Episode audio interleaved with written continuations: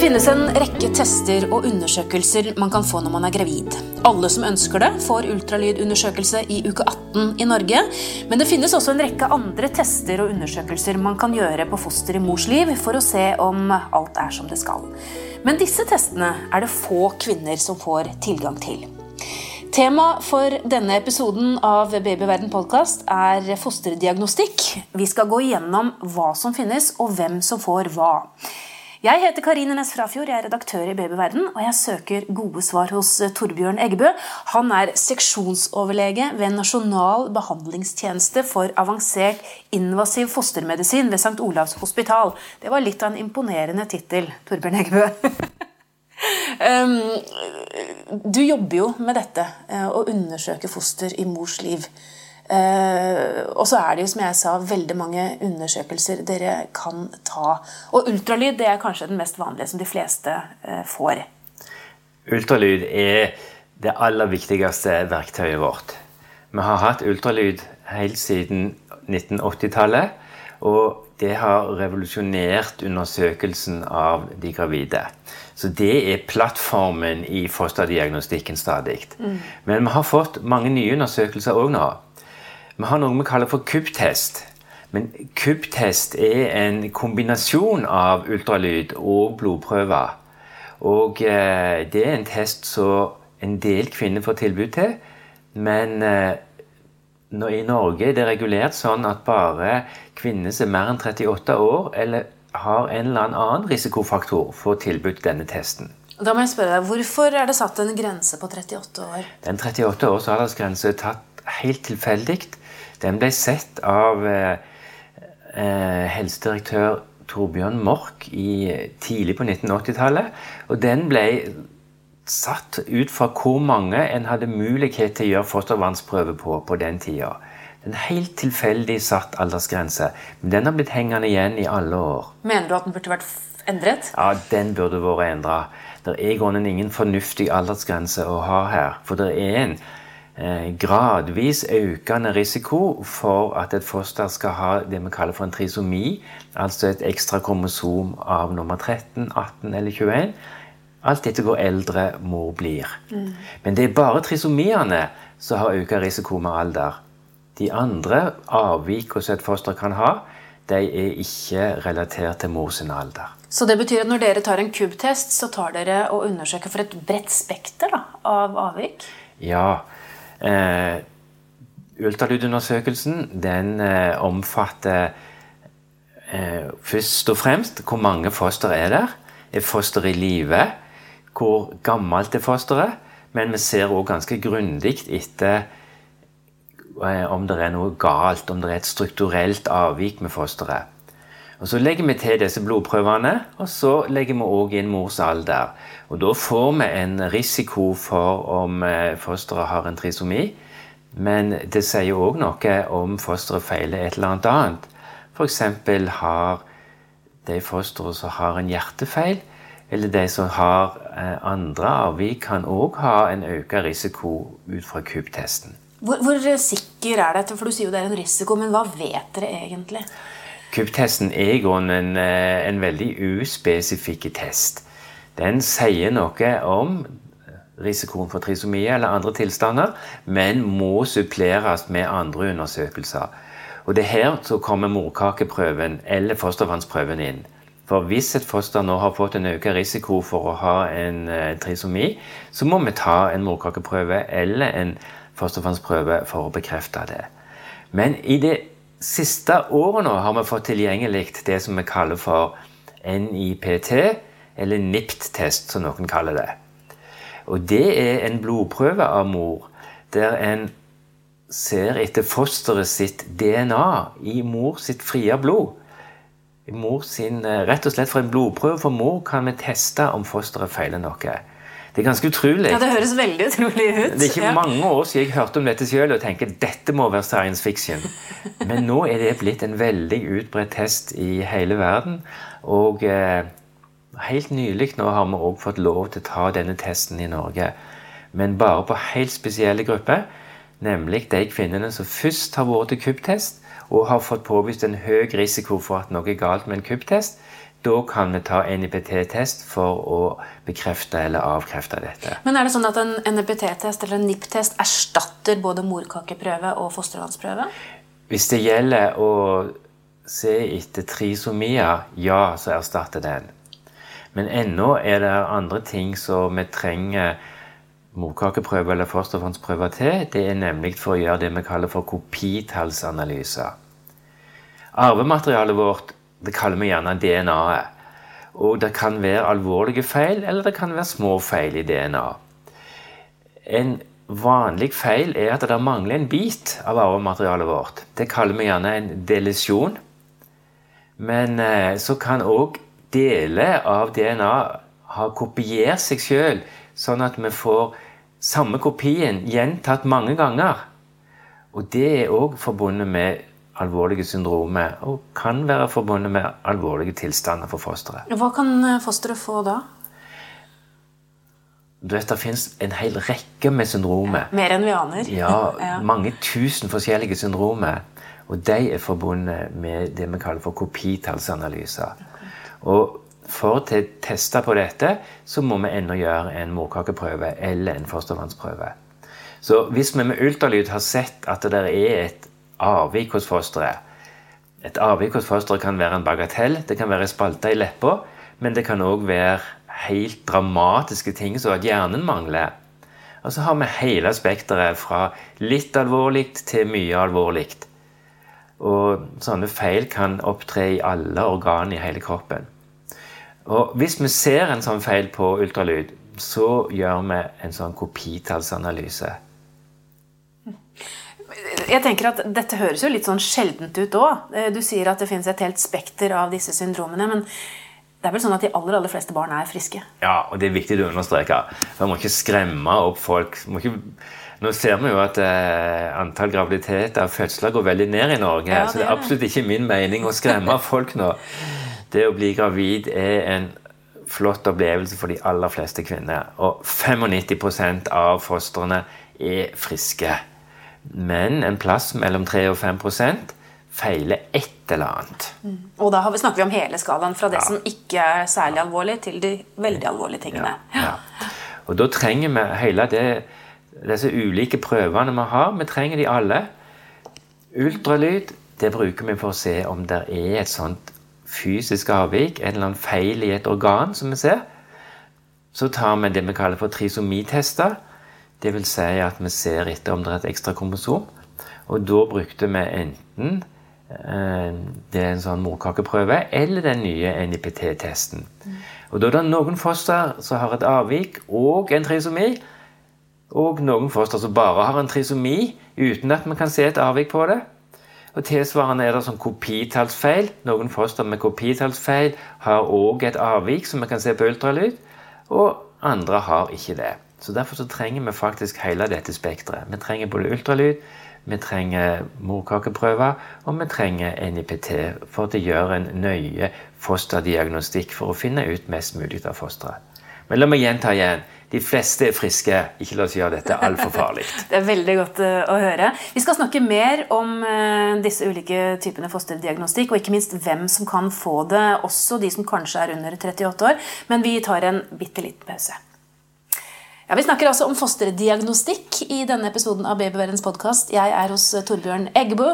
Han er seksjonsoverlege ved Nasjonalt behandlingstjeneste for avansert invasiv fostermedisin på St. Olavs hospital. Og du har jo beskrevet veldig fint eh, Torbjørn, de ulike testene du tar. Og så forteller du jo at egentlig så er det bare de som er over 38 år, som får disse testene, bortsett fra ultralyden, da, som tilbys alle i uke 18 ca.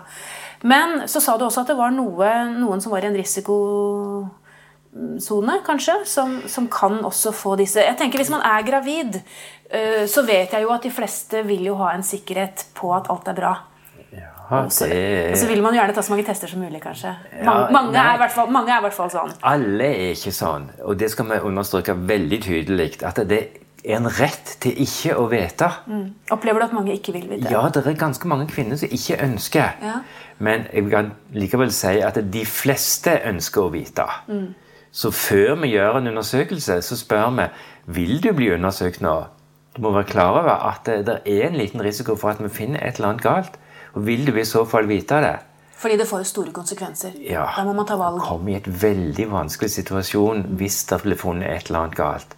Og kanskje spesielt hvis det blir funnet et eller annet litt usikkert, der vi ikke helt sikkert vet hvor alvorlig det er, så skaper det en frykt og usikkerhet for kvinnene og en vanskelig situasjon. Så da tenker mange ok, jeg vil ikke vite, la meg se hvordan det går. Så det er så viktig å informere de gravide før en begynner å teste om hva slags følge det kan få hvis en finner noe.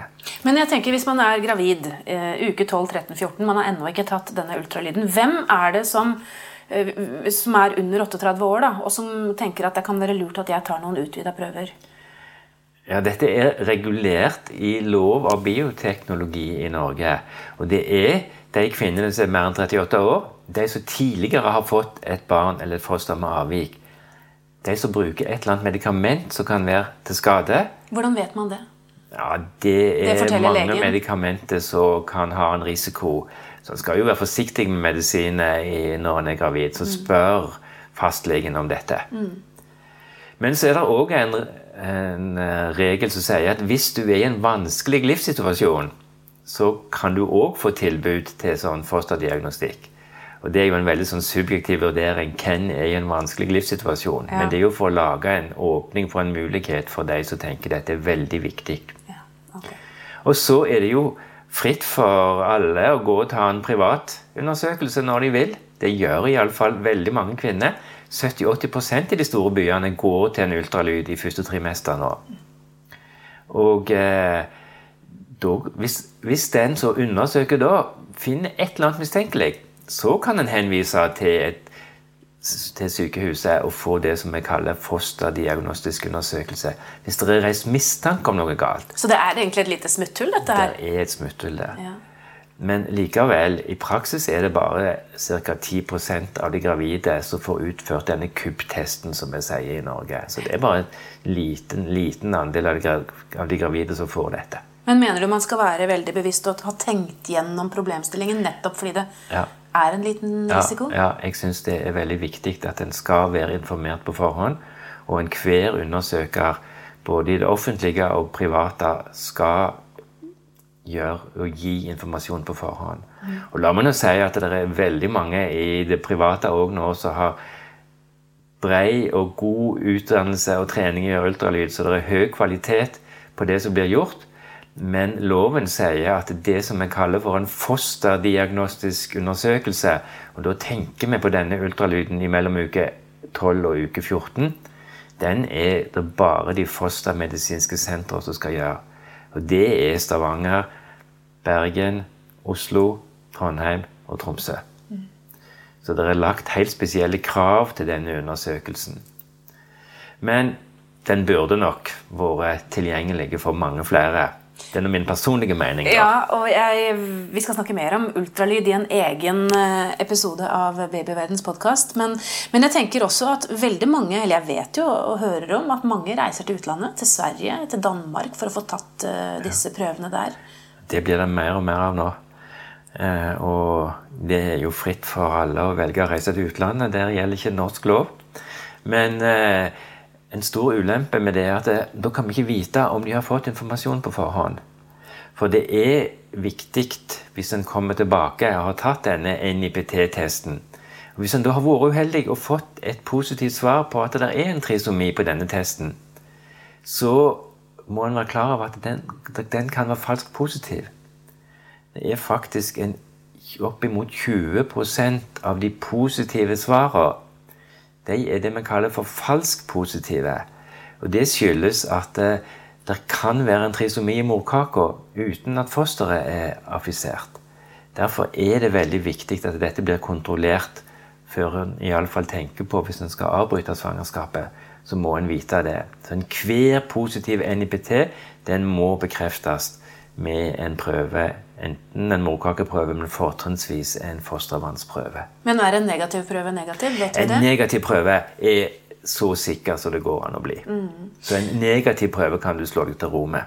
Så hvis man reiser til utlandet, så, så, er det en usikkerhet både i forhold til hva slags informasjon man får i forkant, og ikke minst hva man får i etterkant. For det er jo noe å stå i Danmark da, og få den beskjeden og ikke helt vite hva veien videre er. Ja, Derfor ønsker jo vi at denne prøven skal være tilgjengelig i Norge, skal være tilgjengelig i det offentlige systemet. At vi vet at kvinnene får en god informasjon på forhånd, og at de blir fulgt nøye opp når prøvesvaret kommer. Så det er absolutt vårt ønske.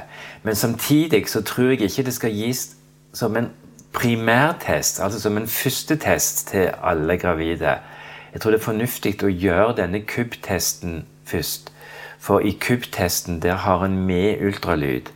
NIPT-testen er bare en blodprøve, så NIPT-testen den er ren test på om du har en trisomi. Og en trisomi var altså ekstrakromosom 13, 18 eller 21. Og trisomi 21 er jo det som kalles for Downs syndrom. Mm. De to andre er de mer alvorlige? Ja, det er veldig alvorlige tester. Ja. Men uh, i, altså, hvis en skal finne trisomiene, så er NIPT-testen en veldig god og nesten perfekt test. Men eh, en mister alle de andre avvikene, og derfor må en ha ultralyden med. Så jeg tror det er fornuftig å gjøre ultralyd og KUB-test først, og så ta NIPT på de som har risiko ut fra ultralydundersøkelsen. Det er jo mye politikk i dette. Eh, det vet Vi Vi skal ikke gå inn i den politiske diskusjonen, for da tror jeg vi kan sitte her en stund. Men du som medisiner, som ser at dine kolleger i eh, tilstøtende land, altså Sverige og Danmark, kan gjøre dette nærmest fritt, er det frustrerende å, å se at du har verktøyene, men ikke får lov å bruke dem? Ja, det er det. Og hver eneste dag så får vi henvendelser og eh, henvisninger fra fastleger og direkte kontakt fra kvinner som ønsker en eh, fosterdiagnostikk. Og vi er faktisk nødt til å avvise disse henvisningene, fordi vi har ikke lov til å utføre det ut fra lov om bioteknologilov. Men da er det vel, da, som vi snakket om tidligere, et smutthull at man kan gå til privat ultralyd i Norge og få et, eh, i hvert fall et greit svar der på om det, det står greit, godt til med barnet? Ja, det er et smutthull. Og som jeg sa tidligere, så er det god kvalitet på det som blir gjort i det private. Og men eh, vi ønsker jo å ha et system på det. Vi ønsker at det skal være eh, at det skal være kvalitet på undersøkelsene, at de som gjør undersøkelsene, har en formell utdannelse. Og at dette blir kvalitetssikra i et register. Og jeg syns nok at dette er så eh, mye diskusjon både i media, blant vanlige folk og blant politikere om disse undersøkelsene, at det er greit å ha et register som viser hvordan dette blir utført i Norge. Hvis vi ser på Danmark nå, så har de full oversikt over hvor mange som blir undersøkt, hva som har skjedd, hva følger det har hatt. Så de har et nasjonalt register som viser det. Og det burde vi òg ha i Norge. Og eh, vi har jo det medisinske fødselsregisteret i Norge, og det burde være en god idé å koble dette inn i medisinsk fødselsregister, sånn at vi visste hva som skjedde. Mm. Så jeg syns det bør være i offentlig regi, dette her. Ja. Hvis vi skal oppsummere, da, så, så, er det jo litt skremmende å tenke på, på alt dette. Sånn at uh, det er kanskje fint da, å runde av med at det går sånn som du var inne på, det går stort sett greit. Det går stort sett bra. Mange gravide er for redde nå. Og uten grunn? Ja, uten grunn. En skal vite at det ikke er en selvsagt ting at alt går bra. Men det går stort sett bra, og veldig mange ting kan vi hjelpe de gravide med nå i dag. Vi kan gi dem en god oppfølging i svangerskapet. Men noen få er uheldige og får et veldig alvorlig sykt foster. Og det er ingen som har skyld i det, det er bare tilfeldighet det er blitt sånn. Og det er viktig da, å gi en god oppfølging og en god omsorg for disse kvinnene som er kommet i denne situasjonen. De fleste kvinner ønsker å vite og det tilbudet om å få vite, det må de ha. Samtidig som de må få lov til å si ok, jeg ønsker ikke å vite. Men dette er noe som kvinnene sjøl må avgjøre. Takk skal du ha, Torbjørn Eggen. Hvis du lurer på mer om dette temaet, finner du mange artikler på babyverden.no og diskusjoner med andre i Babyverdens forum. Hvis du ikke allerede har lastet ned appen vår, Gravid og barn, så anbefaler jeg deg å gjøre det med en gang, så kan du følge utviklingen til barnet ditt dag for dag og uke for uke. Siden du er opptatt av graviditet og barn, kan det også være lurt å abonnere på Babyverdens podkast, så får du nye episoder automatisk hver uke. Det er også vi som lager podkastserien Gravid uke for uke. Den bør du også få med deg hvis du har barn i magen. Har du kommentarer eller et tema du ønsker at vi skal belyse, så kan du sende en e-post til podkast at babyverden.no. Men husk at vi som lager denne podkasten er journalister og ikke helsepersonell. Så hvis du har medisinske spørsmål, må du ta kontakt med jordmor eller fastlegen din. Ha det godt til vi høres igjen.